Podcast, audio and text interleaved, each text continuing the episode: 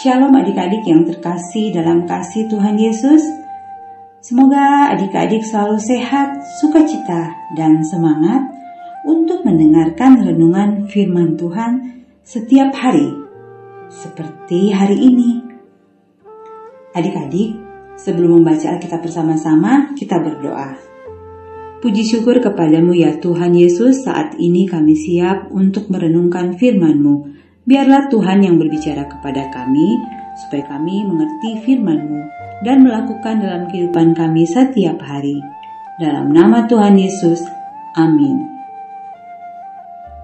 Yuk kita sama-sama buka Alkitab dan kita akan baca kitab Roma pasal 12 ayat 1 sampai 8. Kitab Roma pasal 12 ayat 1 sampai 8. Demikian firman Tuhan persembahan. Karena itu, saudara-saudara, demi kemurahan Allah, aku menasihatkan kamu supaya kamu mempersembahkan tubuhmu sebagai persembahan yang hidup, yang kudus, dan yang berkenan kepada Allah. Itu adalah ibadahmu yang sejati. Janganlah kamu menjadi serupa dengan dunia ini, tetapi berubahlah oleh pembaharuan budimu sehingga kamu dapat membedakan manakah kehendak Allah, apa yang baik, yang berkenan kepada Allah, dan yang sempurna.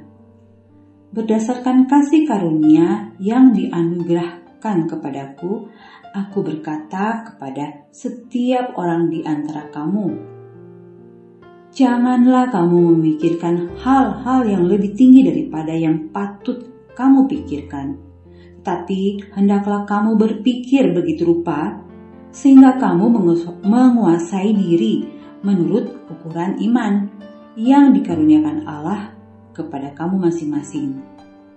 Sebab sama seperti pada satu tubuh kita mempunyai banyak anggota, tetapi tidak semua anggota itu mempunyai tugas yang sama. Demikian juga kita, walaupun banyak, adalah satu satu tubuh di dalam Kristus.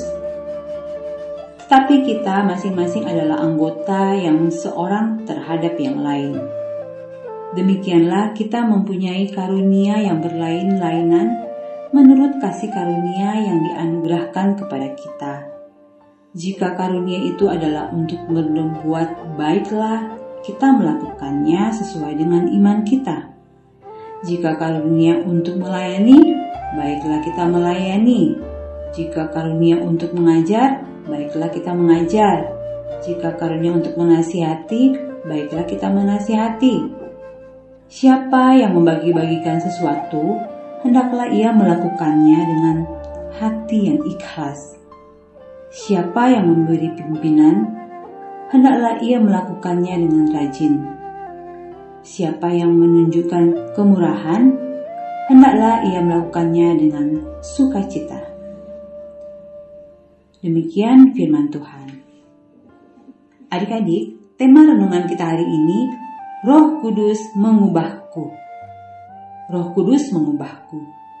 Ayat pokok kita di kitab 1 Samuel pasal 10 ayat 6. Demikian firman Tuhan, maka roh Tuhan akan berkuasa atasmu engkau akan kepenuhan bersama-sama dengan mereka dan berubah menjadi manusia lain. Saat Bintang sedang bermain bersama teman-temannya, tiba-tiba ada temannya berkata, Kikong datang, gendut, buminya bergetar, awas gempa.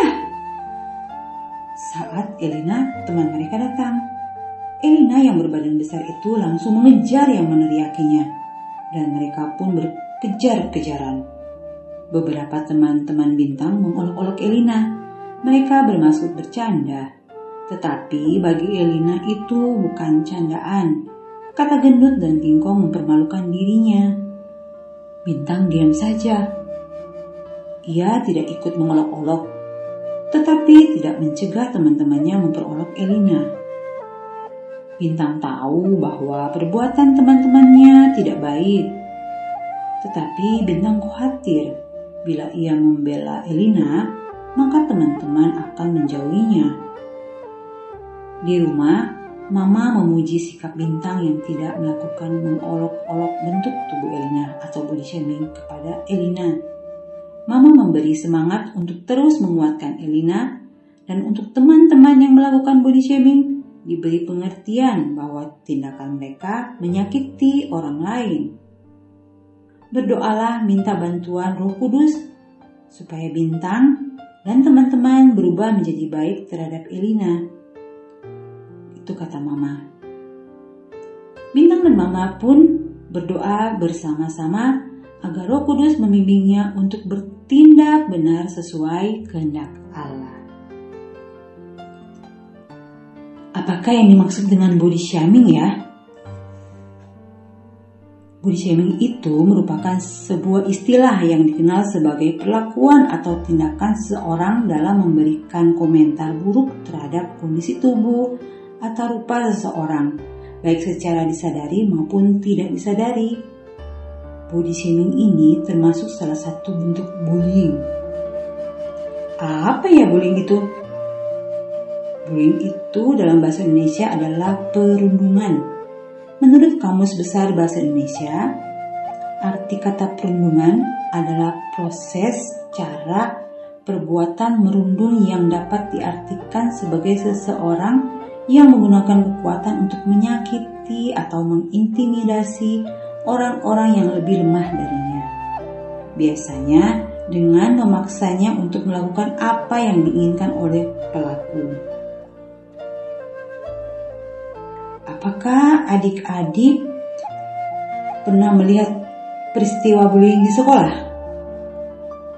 Apa yang akan adik-adik lakukan? Nah, adik-adik mempunyai roh kudus yang membimbing dan menolong kita melakukan perbuatan yang benar, yaitu tidak ikut bullying karena hal ini menyakiti orang lain. Kita berdoa, minta bantuan Roh Kudus untuk bisa bertindak sesuai kehendak Allah.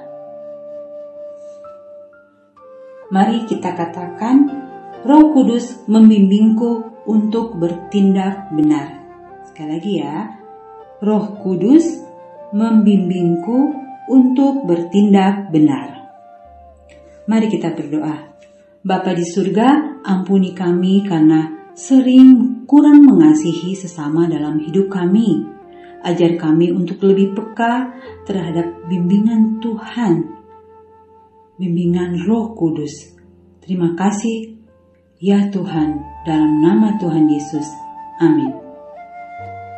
Selalu ingat ya adik-adik, Roh Kudus selalu membimbing kita semua untuk bertindak benar.